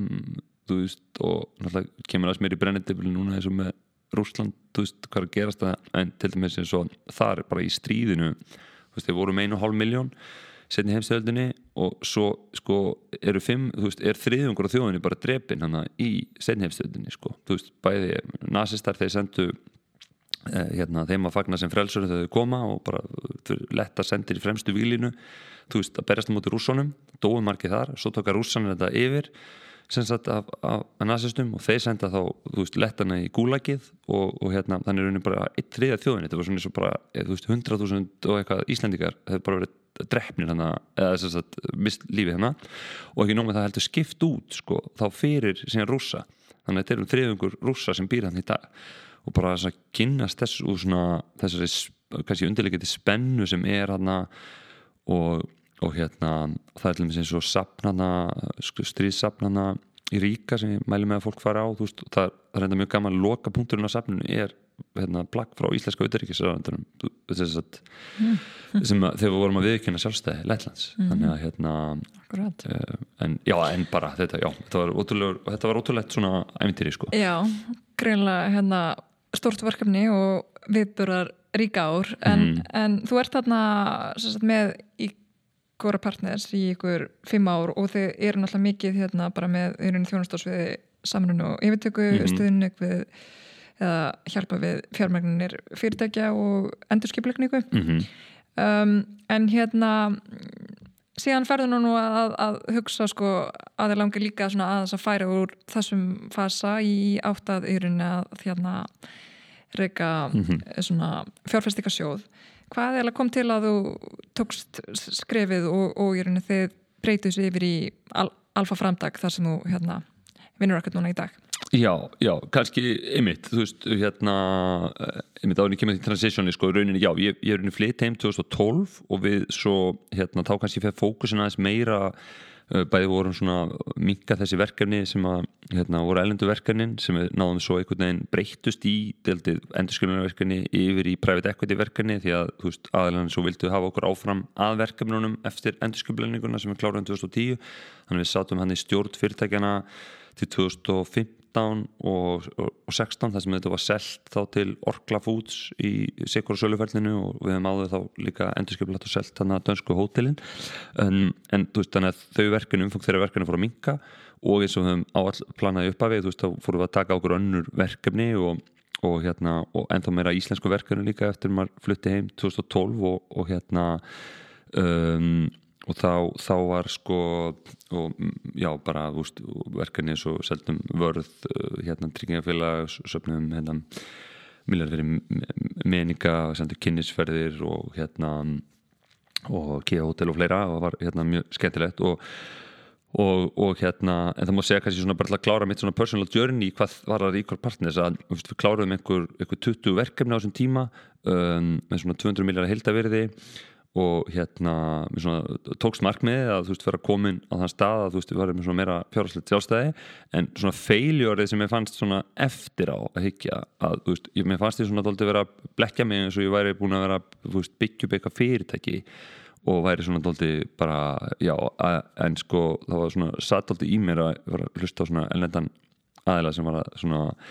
sem var að tala um sko að hérna, já já, þú ert að vinna fyrir sjálfa það sko, eh, þú veist if you, if you don't have an exit multiple for your business, you, you have a job. Og ég var klálega með, með fyrirtæki þó að þetta verið gölverkin, en þú veist, þetta var ekkert eitthvað fyrirtæki sem hafa eitthvað virði í sjálfum sér, sko, þú veist, þetta var rosa mikið bara tengt við þá okkur einstællingarna sem voru vorum að vinna þarna. En eða, þú veist, það var alltaf svona eitthvað sem að maður var spenntu fyrir kannski að fara inn á, fara á eitthvað sem að væri kannski svona einhver möguleikar að, að, að, að svona búa til eitthvað stærri en maður bara sjálfur um, þannig að það var kannski svona persónulega. En markastækifæri sem ég og hérna og, og viðskiptafélag eins og sáum Friðrik og, og hérna það Jón Pálsson sem hafi komið og verið unnið fyrir okkur þá í, í nokkur ár þessu tíma að, að við höfum þá verið að vinna mikið fyrir sko ellenda private equity sjóði uh, unnið fyrir private equity JP Morgan uh, unnið fyrir hérna Triton private equity sjóðin og hérna unnum líka fyrir hérna Middleby sem var svona cirka tvöfald stærri Marel þá, kiptum bresku starfseminna af, af hérna Marel og kynst svona doldið því og líka hafandi úst, hérna já, bara þessum verkefnum sem hefur verið í úti að, að svona hvernig þeir voru að nálgast málin og uh, unnu líka fyrir þessa framtagssjóðu sem voru komnir hérna á Íslandi. En svona tækifæri kannski bara að vera að þú veist, framtagssjóður eru frekar eins og þú þekkir, þú veist, frekar nýtt mótil á Íslandi. Þú veist, það var sérska bara áratöga gamalt um, kemur svona eila að krafti hann inn sko með í kringu, já, 2009 hérna, með stofnum framtagssjóðs Íslands og kannski svona fyrstu sjóðinir eins og hjá, hjá stefni og hortni, þú veist, voru alltaf svona, þá var það varstu með hérna að taka svona komið sem endurskjöflaningar og að taka frá balansítum þess að defnarsynningu bankana uh, eignir og, og hérna uh, þannig að en þetta bara þróast vel og þessi sjóð, sjóðir höfðu bara verið að standa sér vel þannig að mér varst svona doldið búið að vera að sanna, sanna þetta koncept að þetta gengi á Íslandi. Um, og hérna en, en úti náttúrulega var komið meiri saga þú veist þetta komið veist, hátt í 50 ára saga af framtagsjóðum úti. og maður sjá sko bara til þess að nálgun sem þeir hafa veist, rosa mikið þegar að vera að ná árangri uppalega voru sjóðin bara árangri í dílmeikinginu uh, skuldsetningunni og svo les og veist það eru alltaf tækifæri þar en líka með mér virk, meira virkari rekstranálgun og maður sá svona, eða, veist við sáum bara að markarna var líklega að fara að þróast á Íslandi líklega eins og hann hefði gert úti. Þannig að við sáum að þetta tækifæri að koma inn með það. Og líka að fá inn sko kannski þú veist eins og það sem söpnun hafi verið þetta verið bara fyrst og fremst fjármagn úr lífyrsjóðunum og hérna við fórum eiginlega þá leið, við byrjum bara að sapna hjá enga fjárhustum, svona fjármagni. Og, og hérna uh, og sko um, vildum þá hafa sagt, sjóður eitt er sko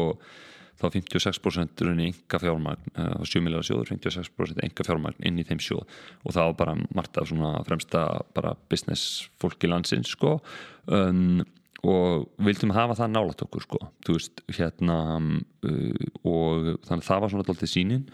Og svona hvernig gekk að, að safna í sin fyrsta sjóð? Það gekk mjög illa eða þú veist, það var ógeðslega erfitt sko, það var alveg ríkala erfitt og, og rauninni, sko, við tölum líka eins og við lífyrsjóðina svona og þú veist, það gekk bara mjög hægt og við vorum hérna uppalega sko að horfa til samstarfi kviku og hérna, svo er henni verið breyting frá kvik og kvik að samanast virðingu og virðing var þegar með framtæðsögur ekstri þannig að þeir eru henni slitu samstarfinu við okkur, eða voru alveg til í að skoða annars konar samstarfin undir allt öðrum fórmærkjum þá en,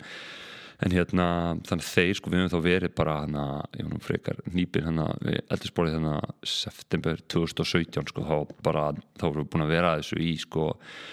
ár að reyna að sapna ykkur eða meirinn ár og, og bara vorum að algjöru núlbúndi og kveika búin að slíta samstarfinu. Þannig að hérna þá, þá var alveg, þá hugsaði maður sko þá var hérna uh, sko þá var nú hérna svona nokkur eða svona vinni mínu stöppuði með stálunum bara heyrðu, ok, hérna og þú veist bara heyrðu, þú komið þetta langt ekki hérna gefast upp núna. Og hérna Sagt, svo, þú veist, þá ákvæm maður bara að reyna að, herðu, ok, nú tekum maður tvo mánuði í þetta, sjá hvað þetta gengur og, og hérna, ef þetta gengur þá bara flott, annars bara ekki þá bara fyrir maður að finna eitthvað annað sem að, maður ekki þetta alveg hvað var, ég var, vorum eiginlega búin að hætta þá ákvæða að hætta þá í ráðgjöðinni, sko. Þannig að það verið bara nýr núlbúntur einhvern veginn. En, þannig, en það gekk, við tókum bara tvö mánu rosa effort, tölum þá kannski ekki við aðlæs, við vorum með mjög langt ákvörnaferli við vorum ekki þá mikið kannski tala við lífurusjóðuna aðra en þess að gefum okkur einhver viljarið áður, hann er við fengum inn þá svo, eða tvo sjóði og svo bætist eitt við stækkuðum sjóðin aðeins úr 5 í 7 hérna eftir þess að tvo mánu Uh, en já, nei, þetta var það var, það var töff að vera að sapna þessu sko. Það var, það reyndi vel á en, en þú veist, á að vera töff sko. Þú þekkir mm -hmm. þetta úr, úr sprota heiminum þetta já, á ekki að vera auðveld sko. Nei, nei. og hérna, en þú veist síðan, kannski, þú veist, mörgulegt auðveldar að núna koma þess með skritunga og vera rauninni gerum þetta miklu skemmri tíma eins og þennan sjó þó að sé meirinn tvöfald stærri Já, náttúrulega þau eru akkurat hérna, nýkomi með annan sjóð til að hafa mikið með það sem Takk. er hérna 15 hérna miljardar en uh, hvernig eru þeir svona grein ykkur frá öðrum sjóðum? Veist, þetta er eitthvað svona ákveðin góðsendtíð núna á Íslandi það er alltaf komin held ég um samanlagt ykkur 70 miljardar bara í, bæði í vísi og svo private equity og, og hérna mm -hmm. Um, en svona hvernig hefur það þróast hjá ykkur? Núna ertu náttúrulega í rauninni ert núna með annan sjóð. Hvað, hvað svona lærði frá fyrir sjóði og, og, og svo núna þegar þið fóru aftur á stað? Já, kannski sko þú veist, hérna um, sínin alltaf eins og sami uppæfið, þess að þetta með að hafa sko um, upplugt sko upplugt hérna upplugt fólk nálat okkur þú veist, bæði stofnunarfjármaks og vera svona alltaf brú líka fyrir millir enga fjármaks og stofnunarfjármaks þú veist, stundum er þetta svona aðstæðir, aðeins aðstæðir pólar. Við fundum það eins og vorum að tala fólk stundum voru enga fjármakstar, uff, get ekki hugsað mér að tala með lífeyrisjónum og lífeyrisjónum er alltaf svona skeptiskir ofta á, þú veist, enga fjármagnið og það var náttúrulega þetta brentsi stundum á, á því líka áður. Þannig að við svona, sínum þetta alltaf, kannski alltaf brúa þetta alltaf saman sko um, með tröstumæti og, og þannig að það er haldið og við hefum haldið ennþá eins og núna við erum með í sjóðu 2 alveg sko 40% af fjármagnu utan lífursjóðana um, en þú veist, að hafa bara svona góða blöndu um, að fjármagnin hafa öflugt fólk nálat okkur. Þú veist, til dæmis eins og stjórnin hjá okkur þú veist, það er Fredrik Jóhann, stjórnaformaður við erum með Efi Sólei, Guðbjörnsdóttur hérna sagt, hún er líka tilnæmda okkur vinnur líka náðið með okkur eins og Fredrik, þú veist, það er tveiri svona stjórnarmenn sem er tilnæmdir af Alfa, rekstralunum svo erum við með hérna Hrefnur Sigfinns hérna fórstjóru Creditinfo um, Finnir Rey Stefansson um, og svo Jón Sigursson frá frændi fórstjóru Össurar um, sem er nú aðalega kannski með rekstar reynslu en hann er nú kipt held ég hátt í hundra fyrirtæki eða eitthvað þannig að þú veist, þetta er rauninni bara líkitinn, þú veist, í þessu bara, þessu, veist, bara reyna að hafa gott fólk í kringu sig. Og svo mm -hmm. bara reynum við að skrína alltaf, eða þú veist við, við spurum okkur þryggja spurningar sko þegar við erum að skoða þessu fyrirtæki bara. Og þetta, þú veist, notum við hinn á þessa hlut til að skoða en svona í grunninn kannski spynum við að segja þrennu, þú veist, er þetta fyrsta lagi, er þetta vinnirar um, þú veist, er þetta nummið tvö, þú veist, er þetta fólk sem við getum hugsað að starfa með? Um, og hérna og nummið þrjú, þú veist, er það eitthvað sem við getum komið með að borðinu annað en bara pening? Og það kannski, þú spyrir eins og með helstu leksíunar, sko, að, að þá höfum við hérna uh, þú veist, þetta með svona eitt, að móttuð okkar svona árangur með aðgerðum og þú veist að hafa alltaf virkar ekstra nálgun en þú veist það er endalust dans sko við höfum lendið í því líka vera árin allt og virk sko og allt og mikið inn á gólfinu og, og, og, og svona þannig að finna þennan balans sko hvað er svona optimal levelið að hvernig við beitum okkur. Því að þú vilt aldrei taka svo frá stjórnendunum þú veist ábyrðatilfinninguna og við erum í rauninni miklu meira bara svona bakhjarl fyrir þeirra hvað segja, finna finna hvað draumurinn er hvað draumurinn er hjá þeim, draumurinn er potensialið og vera svo bakhjarl upp að láta það ræðast, rætast en líka svo að vera alltaf með gott aðhald að veist þetta er svona, ef maður slettir sko, dream with a deadline sko, veist við þurfum að sjá árangur á ákveðnum tíma og ég held að sé bara, veist, það er bara gott að vera með okkur í liði held ég, því að við erum með mjög svona árangus með hugafar og, og hérna já, bara viljum, viljum árangri og ég held að flest fólk skona sé þannig innprentað eða kemst í þannig umhverju sko. mm -hmm. Akkurát en að, hérna, eins og hérna í þættinum við höfum líka mikið verið að tala um sko vísis hérna fjárfestingar sem er náttúrulega stíði svona undan þér akkurat þegar kannski verið að, að fjárfesta í hérna, hérna sprótafyrirtækjum en náttúrulega mm -hmm. þið komið á í setnistígum þegar náttúrulega fyrirtækjur eru bara komin á ákveðin stað bara með, með ákveðisregstur og, og, og hérna en svona hver heldur að hérna þetta er náttúrulega allt annað en hver heldur að sé svona mesti munurinn á þessu? Já, þetta er eins og þú lýsir svo, þetta er náttúrulega helsti munun er bara á hvaða stígi þú kemur inn sko, þú veist, bara allt frá mynda, veist, og þessi stígi hann þarf að virka allavega í gegn sko, má segja kannski mörgulegt við sem miðstíð, þú veist, frá því að, að, að þú veist, út með hérna Um, þú veist, sprota og svo, sem sækir sér svo sít fjármögnun og setnist til að sprota fjármögnun sko, yfir að þú veist, svo, svo tekum og segja kannski þetta private equity er framstinga við og svo í mörgum tilökum, er fyrirtekin þá skráð á markað, þau eru komin upp á ákveðinsti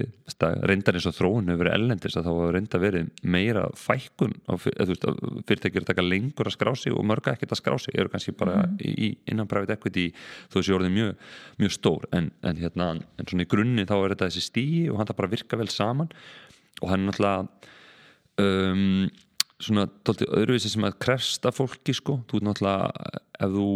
getur náttúrulega rosa krefendi að vera vísis fjárfestir það er mjög mikið svona, þú ert að halda í hendina á frumkvölunum og bara hjálpa honum með, þú veist, eða alla grunn. Þú ert bara að reyna að búa til reksturinn sko. Og hérna og það er líka að hafa, þú veist, mjög inn í strömm og stefnum og sko, veist, hvaða tækni er líklegt til að verða, þú ert alltaf að horfa svo mikið til veist, hvað er líklega þróun verði og eitthvað svo leiðis og þú veist, auðvitað þurfum við klálega að gera það okkar stíi en þú veist, við erum þá alltaf að komi með business sem er búin að hérna, sannreina sig. Og oft kannski komið með þá reyndari, eða svona stjórnendur sem er fann að stýra, sem eru þú veist, kannski með, með reynslu að keira stóra skipulags hildir um, þannig að þetta er svona öðruvísi krefendi, en þú veist, það er eftir allt komið kannski í mitt, þú veist, bara mikil mikið samkefni sem þú þarfst að finna leið til að þú veist, sýri þeirri samkefni og, og hérna um, og jú, en, en þú veist, en við við samt erum alltaf að fara inn með svona ákveðnar um, hjá okkur veist, við viljum alltaf koma auðvitað á einhverjar þrjár til fimm leikilækjarir sem við getum sko unnið í til að auka veriðið yfir okkar eignastíma þannig að við erum ekki, svona, við erum ekki að parkera peningum sko, veist, við ætlum að ná veist, alfa eða fjárháslega alfa eða því veist, árangur umfram eitthvað meðaltal að hérna að ætlum að ná því bara með þessum aðgerðum. Og hérna og þar við keirum svona svo kallega hundarta plan sem er mjög meitla hjá okkur. Hérna, Rakel Guðmundsdóttir hjá okkur hún er að leiða það og þú veist þá erum við svona ítala bara vinnustofur með stjórnendum þar sem við erum bara veist, já, bara ákvara hérna, setja allur kjöt á beinin með hvar við getum náð þessum árangri og setja það upp í, upp í verkefni ábyrraðila og, og úr þessu kemur og svona hérna samstilt uh, held á milli okkar og, og, og stjórnenda svona hvert veist, skal, skal stefna mm -hmm. þannig að já, þetta er bara þetta er bara alltaf gaman sko Já, mm. og svo takk ég náttúrulega líka hérna sæti í stjórnum, ég leitt bara náttúrulega sem í rauninni virkir hérna hlutafar Já. Hvað finnst ykkur svona reynist ykkur best þar með að hérna bara á í rauninni því leveli, svona stjórnarleveli að hérna mm -hmm. beita sér sem virkur stjórnumæður Já, þetta er, þú veist, það má segja kannski doldið svona bæðið krefjandi en gefandi um leið að sko við erum þá í flestum virðið sem við fjárfæst í þá erum við meira hluta eigandinn eða og í hérna þessum tveimverkunum sem við erum með minn hluta þar, þar erum við samt svona eða stærsti hérna eh, hlutafinn. En sko erum það, þá er þetta rosalega þú veist þetta er rosa krefjandi á stjórnum þú, þú, þú get ekki verið svona einhver snittu stjórnum það er sko bara mætt á fundi og bara eða þú þarfst að vera virkilega bara klínur og já, já, veit þú þarfst að vera virkilega onitt sko með, en, en hérna og berða alltaf rosalega mikla þá ábyrð á, á, á hérna kannski svona franganum sko en þú veist, en í grunni samt eins og ég nefndi á hann þetta, þetta er, við horfum á okkur samt sem sem bakhjall sko bara að ná sko, þú veist, ég menna veist, við erum þá kannski meira að reyna að vera sem heild sko, maður notar þessu Star Wars líkinguna sko, þú veist, við erum við erum Jóta sko, við erum ekki Luke Skywalker sko. stjórnandin er það sko og þú veist, hann bara, hann verður bara hann verður bara sigra sína keppni og bara þú veist, og, og, og við erum svona bara til að hjálpa að veita ráð opna dyr, hjálpa að koma svona strúttur kannski á, á á stefnuna og þannig að það er svo uh, meira átt af þess að við erum að gera þú veist að við erum að vinna með svo mörgum og við erum bara, þú veist, kannski, heru, já ok, þú ert að fann einhverja ráðningar, heru, þú veist, við vitum þess að þess að, þú veist, góðu mögulegu fjármálastjórana eða eða hérna, við vitum rétt aðeins að við ert að fara í einhver IT-innleðingu, heru, fá þessa inn og og hérna, og líka bara svona sounding board sko, eins og þú veist, fyrir, fyrir einhverjum svona strategískum málum og svo leiðis mm -hmm. en, en, en ymmit, þú veist, lærdomin er aldrei, þú veist, það sem við höfum stundum verið að, að taka ómikið í fangið sko, þú veist, að það og svona uh, já, við veitum ekki verið að draga út drivkrafti, þú veist, hérna mm -hmm. komum við inn með öll svörin og allt og stjórnandi getur bara, já, ok, heyrðu, það er bara flott þetta er hérna, mm -hmm. þú mhm. veist, alfa er bara að sjá um þetta, þú veist, það, við erum uh, passa að fara ekki á þann stað, sko. Mm -hmm, Akkurát En alltaf síðan hefur þetta smá svona uh, þróast hjá okkur frá fyrir sjóði þá voru alltaf mikið að fjárfesta kannski í einhvers konar svona eldri fyrirtækjum samina, þau voru að fara í einhverju svona mm, fjárhagslegar endurskipulegningar og, og kannski líka fjárfesta í svona infrastruktúrfyrirtækjum og svo núna er rauninni með nýja sjóðin þá er eins og að, að hérna er rauninni þessi líka að horfa á meira til uh, fyrirtækja sem geta vaksir rætt eða svona mm -hmm. er rauninni svo kallið hágsta fyrirtækja mm -hmm. eitthvað slíkt. Hvað kom eða til að þið að hérna svona ákveða að, að taka þann pólinn í hæðina með einu nýja sjóðan ykkar? Já, sko, nokkur hlutir sko, þetta er alveg rétt eins og segir með, með það að hérna um, við um, við vorum reyndar með það mandate sko í uh, fyrir sjónum að geta farið vera, meira, vera í hann í vaksta fyrirtækjum svo held ég að það aðeins bara spilast af því að veist, við vorum hann með fyrsta sjóð eh, þú ert stundum að taka aðeins meiri áhættu að þú ferðast inn á þann stegan sko og við vildum bara passa að við varum að hérna, kannski, það er svona að tendi, þú veist, ef þú ert kannski búin að fara inn í uh, ef þú ert búin að fara inn í sko 20 fjárfestingar sko og eitthvað, einhver klikkar þú veist, þá ertu með meira svona skilning á því sko, eða þú ert kannski bara búin að fara í 2-3 fjárfestingar og einn klikkar þú veist, það, það, það getur að refsa hansi, hressilega fyrir það. Þannig að kannski svona man, man, fórum, þess að maður segja þú veist, ef maður horfður á portfólíun sjóði eitt, þú veist, þetta er meira svona kallað svona value fyrirtæki sko, frekar en gróð fyrirtæki, þú veist sem er fyrirtæki svona NOX reyndar inn í, sem er mikið í flesti fyrirtækjunum en jú, það hefur verið, þróunin en, en, en sko um, en það, það er eitt. Svo er þetta líka bara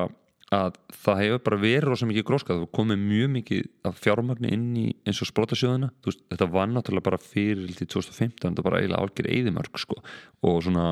mítan sem var hérna þú veist, var bara að það var ekki haft ekki hægt að gera neitt í þú veist, þú væri rauninni bara, þetta var svona eins og styrkir að þú var að setja í spróta sko, þú getur ekki ekki hagnast á slikum fjárfæstingum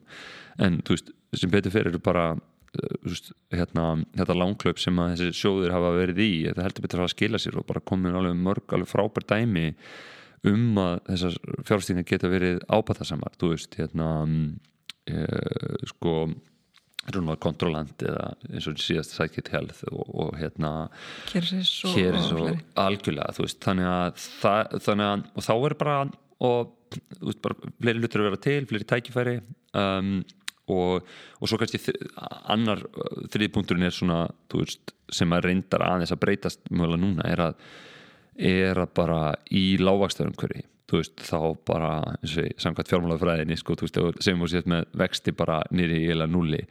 þú veist, þá skiptir ekki máli hvort að sjóðsflæði sé að koma inn á ári 1 eða ári 20, sko, veist bara það hefur sama vægi ef við varum með vext í sem 15% þá skiptir yngum máli hvað sjóðsflæðið er eftir 5 ár. Þú veist, bara í, í þú ert bara nú er ekki að tala eitthvað aðeins fræðilega en, en um, þannig virkar það bara veist, þannig að, til og með sem núna þegar vextir er búin að vera að hækka að þú veist, af eins og í bandaríkjum að markarinn er búin að lækka sko, hérna 30-40% fyrir svona svo kallu gróðfyrirtæki en bara 10% fyrir sko valjúfyrirtæki mm -hmm. um, þannig að það er líka bara svona okkur vaksta afleiða sko. þannig að það, það var líka sérna, svona umhverfis Akkurat, en alltaf þetta er náttúrulega gerast hérna uh, akkurat núna sko en, en, en alltaf svo kannski líka maður segja hérna, hvort þetta sé svona ákveðlega reyting út í þessu fyrirtæki en alltaf voru búin að vaksa mm -hmm. satt, uh, mjög rætt sko á hérna í raun síðustu sérstaklega 2-3 árum sko Já þannig að það er líka spurning hvort það hafi verið svona ákveðin búbla í því sko og já, já. kannski einhver leir þetta en, en, en náttúrulega við skulum sjá, náttúrulega maður veit ekki alveg hérna er henni mm -hmm. hvað nákvæmlega er að gerast eh, en, en hérna, hvað svona sér þau er henni fyrir með henni fremtíð al, alfa og hérna er henni svona hjá okkur næstu uh, árin Já, ég bara þú veist, ég ætla bara rosalega takkláttu fyrir veist, bara umkringdur alveg mögnuðu fólki um, þú veist, bæði þetta teimi sem við erum með hérna Uh, þú veist, er alveg, alveg meiri áttar samstagsfélagar og, og bara frábær andi hjá okkur og, og hérna uh, það sé alveg smítandi veist, meiri áttar stjórn um, og bakland okkar af fjárföstum sem er bara ótrúlega þakkláttu fyrir að tröst sem okkur er sínt um, eins og ég segi, ég er náttúrulega rosalega fóksur líka á að, að, að gera eitthvað svona svona starra en einhver einstællingur eða einstaklingar í, í fyrirtekinu veist, þannig að mjög mikið vinna hjá okkur við verðum að fara bara veist, að, í að veist, svona, hvernig við tökum ákvarðanir bara saman sem, sem hópur öll þekking, hvernig við erum að mila þekkingunni og búa til svona eins og maður lærið á sín tíma svona the learning organization sko, að hérna og, og, og svona í, í, í ferlum og kjærfum og öðru hjá okkur þannig að það hefur verið mikil fókus á svona gera innviðina rosa góða. Um, en já, svo þú veist minna við erum náttúrulega fókusin í augnablíkinu er á, er á að ráðstafa þessum nýja sjóð okkar okkar vel og ég held að það er líka alveg mikið að taka svona lógisk skref sko, þú veist með hérna, við vorum með Ég hef ekki viljað vera með mikið stærri sjóð en við erum með núna, við reyndar fengum yfir áskvæmt við skárum hérna aðeins niður. En hérna um, út af því að, að sko, við erum að sjá tækifæri sem eru kannski í minni fyrirtækjum þú veist að, að hérna, sem við gætum ef við værum með 40 miljónar sjóð eitthvað, veist þá myndum við ekki hérna,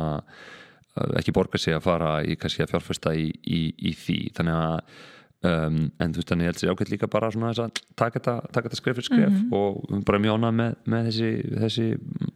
skref sem við verðum að taka hinga til og sjáum bara fram á að taka Mhm. meiri og stærri skref bara svo framlega stundir sko. spennandi, en sko ég veit að þú ert líka svona mjög svona markmiðadrifin og, og, og svona eins og við kannski bæði öll í svona self-help bókunum og, og, og, annað. Hérna svona hvað eru svona, svona þín mantra eða eitthvað svona ákveðna reglur sem svona þú eru svona kynntir og tilengað svona til að ná árangri í því sem þú gerir? Um, Já ég veit ekki hvað sé einhver ein matrabein en það er náttúrulega bara ótrúlega margir svona hérna áhrifavaldar sko á mann Já, það er ekki að tala um svona Instagram hérna, áhrifvalda eða hérna áhyggjuvalda eins og ég heyrði einhvern tala þetta tala Já, net, sko. en hérna en uh, þú veist bara sko svo, já, út, útrúlega margt sem þetta áhrif á mann sko, ég myndi segja kannski hérna upp á skilning á áhættu og svo leiðist, þú veist, mæli ég með veist, þessu öllu sem að Nasib Taleb hefur að skrifa, þú veist hérna, til dæmis bara eins og bókina Antifragile og by Randomness um, það er náttúrulega líka, þú veist, notabene hefur náttúrulega bara rosalega mótandi áhrif á mann, sko, þú veist, bara að fara í gegnum hrunið og svo leiðist, bara upp á áhættu, sko. Þú veist, bara, þannig að maður er alveg alveg oft fanatískur á það, sko, hvernig maður getur tapa pening í einhverjum hlutum og fjárfestingum sem maður fari hérna, það var, einmitt að segja, ég var að heyra núna sko, það var að byrja sér lækkun á, á Wall Street núna sko, það var hérna, einhver sem var að segja við kollega sinn sko, sem að hérna, hann hafði verið að vinna með í tíu ár sko, en hafði bara upplifað uppseflu sko, hann sagði hann sko, heyrðu, hérna já, við höfum verið að vinna saman með fjárfestingar í tíu ári en ég veit ekki ennþá hvort þú ert góðu fjárfestir. En, en allan já, ég myndi mæla með sko því og ég myndi segja sko hérna, hann er fræg mantra hérna, og, hérna sem hann, hérna, Pétur Jóhann hérna, sem leik hann Óla Ragnar hérna í nætuvaktinni að hann var alltaf í einhverjum business og einhver, svona, einhver skím í gangi og eitthvað svona og hann var með þessa frægu línu sko, sem að mann heitir sko þú verður að hérna, tapa penning til að græða penning og hérna um, en málega er að þú veist hérna um, og svo fór það alltaf í vaskin hjá hann en þetta, þetta er ekkit þetta er ekkit svoleiðis, maður myndi haldi mig þú ferði eitthvað svona sprota eða ferði eitthvað svona svoleiðis, þú, þú getur uh, þú getur þú, þú góða skilningu á þetta, þú getur takmarkað áhættinuðina ansi vel og búið til svona um, og þetta er nú mjög vel líst líka eins og hjá Taleb sko, ég, hérna svona, já bara ósankörfa áhættu og hérna um, þannig að þú þarft ekki alltaf að sko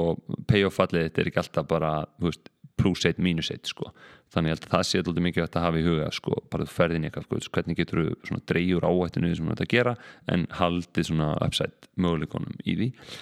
Um, þannig að hérna um, já, svona bara uh, já, náttúrulega Charles hafði náttúrulega rosalega áhrif á mig og margt sem að bara hvernig maður, var að, hann gaf mér þessi geggjuður ráð sko þegar hérna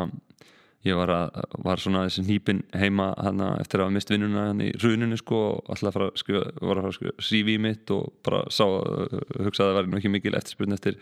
bankamönnum, hvað þá íslenskum. Hann á þessi tíma og hann var bara, heyrðu, þú veist CV, sko, glimti ég að fara að skrifa CV sko, bara, skrifa bara nefnir tvo hlutinir á blad, bara annars vegar hvað þú þekkir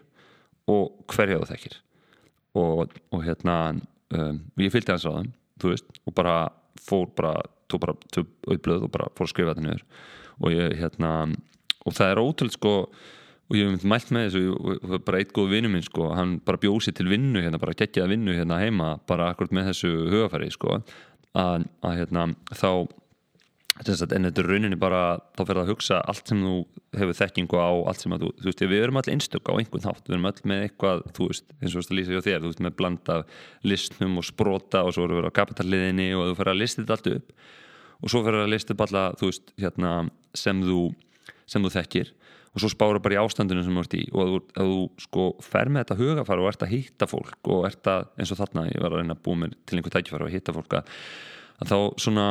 sko uh, er maður miklu nýtt með þeirri sko? Og, og fer bara að hugsa þú veist, því að business í grunninn er þetta snýst um að sko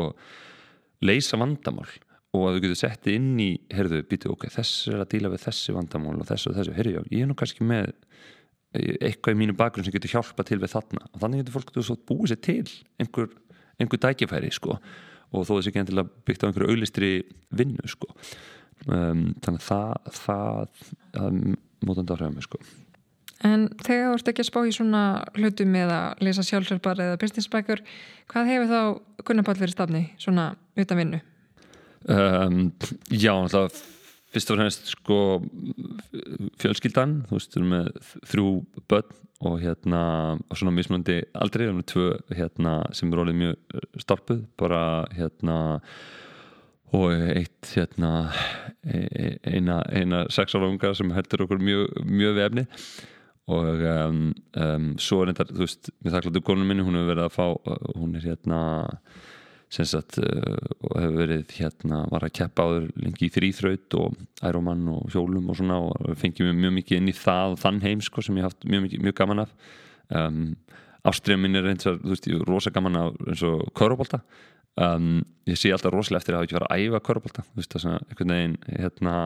svona alltaf glata finnst mér tækifæri hafa ekki farið með þá leið en rosa gaman að bara hérna strítbóla sem tíma á NBA og, og ég er svona að fá útráðsverðir þetta í dag ég er á æmingum hjá hann Brynjar Bitni hérna, hérna fylglega káar í hátteginu alltaf í káarheimilinu, mjög skemmtilegt. Um, svona fyrir svona gamla menni sem mig, svona living the dream um, já, ég, reyndar sko hlægjum á staði sko, konar, konar hugsa, sko, helgi, sko, draumahelginu henni er að fara bara eitthvað út í náttúrulega að reyfa sig sko, sem er mjög, mjög gaman líka en ég, ég verða að geta haft drými fyrir bara bara bækunar hérna, mínar og, og, og líka veist, eins, og, eins og sem haldist hjá mér bara frá hérna, 2008 sko bara og miklu víðara sviði þú veist, ég var að taka núna var að klára námskeið hérna uh, sem sagt um, já, Gunnari Þorra var varandi með hérna með Rúsland og Úkrænu og maður farið yfir hérna bók sem heitir Tjernobyl bænina eftir hérna bókbísalina hérna Svellunu hérna sem var bara ótrúlega gefandi sko og já, bara ég veit ekki, hittu þetta, mm -hmm. bara eitthvað sem áhugin grifum og við langar kannski að sé líka lókum með, með þetta svona, að mér finnst þetta svo magna, þú veist, með að þú veist, ég held að við sem ekki alveg búin að kveikja ás alveg 100% sko, þú veist, ég, mér finnst þú, þú þú veist, með áhugaðin þú veist, þú finnur áhugaðan einhverju bara aðgengi sem við höfum að bara færasta fólki, þú veist, sem að er að deila einhverju frá sér, þú veist, og bara ég held þessu mjög góður í að sko navigera að grípa með einhver áhugi sko, hérna, að, að sko finna þú, veist, þú getur eld einhverja þræði þú sér bara einhverja, einhverja bók Amazon eða eitthvað veist, og ég hafði stundum ef ég segi ok, ég ætla ekki að fara að lesa þessa 400 blæsir eða eitthvað, stundum ger ég það en stundum bara heru, hérna, áhverju höfundur þú veist, þá kannski viðtal við hann í einhverju hlaðvarpi sem þú getur leitað eða á YouTube þá getur hann fengið kannski aðlatirinn í bókinni. Hann nefnir svo einhverja aðra hluti sem þetta áhrif hann þá getur eld hann þráð og, og farið eitthvað annað þú veist, og þú, þú, þú getur einhvern veginn hérna, þannig ég, ég veit ekki, ég, ég er svona maður breytir, þú veist, sambandi sínu við bækur, sko, þú veist, þegar maður alveg, þú veist, maður, á, þú voru að klára þessa bók og í skólanum, það er alltaf sett fyrir hvað átt að lesa þú veist, þú getur verið að leika bara, ég, þú veist, maður, hérna var að lesa hérna Gleipur og Refsing, þú veist, 800 blæsir ég hætti eftir 400 blæsir, hún var ekki að grípa mig einhvern veginn á þeim tíma, veist og svo mm -hmm. bara, verð ekki með einhverja svipa á sig bara, ég verða að klára þetta, verða að gera þetta veist, þá mm -hmm. einhvern veginn kemur svona leiklegin í kringum að vera alltaf að að læra og hafa alltaf gaman að því að vera sífælt að, að, að veist, já, bara vera betri útgáð sjálfsögur og þróa sig sko. mm -hmm, Akkurat, og náttúrulega með internetinu þá er náttúrulega bara opnast nýja vítir í rauninni hvernig maður að sækja sér fróðleg en, en, en svona að, að lókum, svona mm -hmm. ef þú lítir yfir hérna fyrirlin, hver er þetta svona í rauninni stoltastur af? Já, ég er bara ótrúlega stoltur af sko hérna held ég stoltur kannski bara af, af svona, kannski framan þessu bara dugnanu hjá mér og bara þannig séu og, og, og vera bara og líka bara ákveðinni þú veist að, að hérna ofta ákveða hluti og svo bara þú veist kílaða þá móti blæs þú veist hérna þannig svona rosa kannski já stoltur af því. En svo og líka held ég svona að halda svona okkurni leikleði í kringum það sem maður er að gera sko. Þú veist að vera hérna um, þú veist, það er alltaf svona að þróa það hugafar sko, eins og tala um sjálfsjálfun og svona, þú veist, það er stundu hjálpum bara svona þróa hugafar afstæða til hlutana sko, þú veist, það fyrir mikið eftir því, en ég held ég kannski svona núna, þú veist, maður kannski að fara svona á annan fasa í, þú veist, lífinu, þú veist, komin yfir færtut og svona, þú veist, mér svona, ég fá ótrúlega mikið út úr í bara að sjá svona fólki í kringum hann vera að blómstra og ná árangri og þetta er svona í þessum bransa sem við, í þessum bransa eins og ég hef verið í þetta skilt snýst rosalega mikið um að vera svona það sem við kalla, ef maður sletti sko, skilt producer, verða bara ógeðslega góður í og þú veist, doldi alltaf bara svona innstellingurinn og einingin, en þú veist, svo svona svo gaman að sko svona taka transition, þú veist, að það sem mann er svona að færa þannig fókusin sko af sjálfum sér og aðra sko og þú veist það er einhvern veginn, ég veit aldrei í þeir shifti sko núna og, og við þótt að bara ótrúlega sko ótrúlega gefandi sko. Mm -hmm. að, hérna, já. Akkurat. Uh, Gunnar Ball Tryggvason takk kærlega fyrir komuna. Herr, takk fyrir, sumleis Ef þú vilt heyra fleiri sugur af aðtapnafólki þá hveti þið til að íta á subscribe-knappin á hlavarspöytunni þinni og fylgja okkur á samfélagsmiðlum Ekki missa af næsta þætti.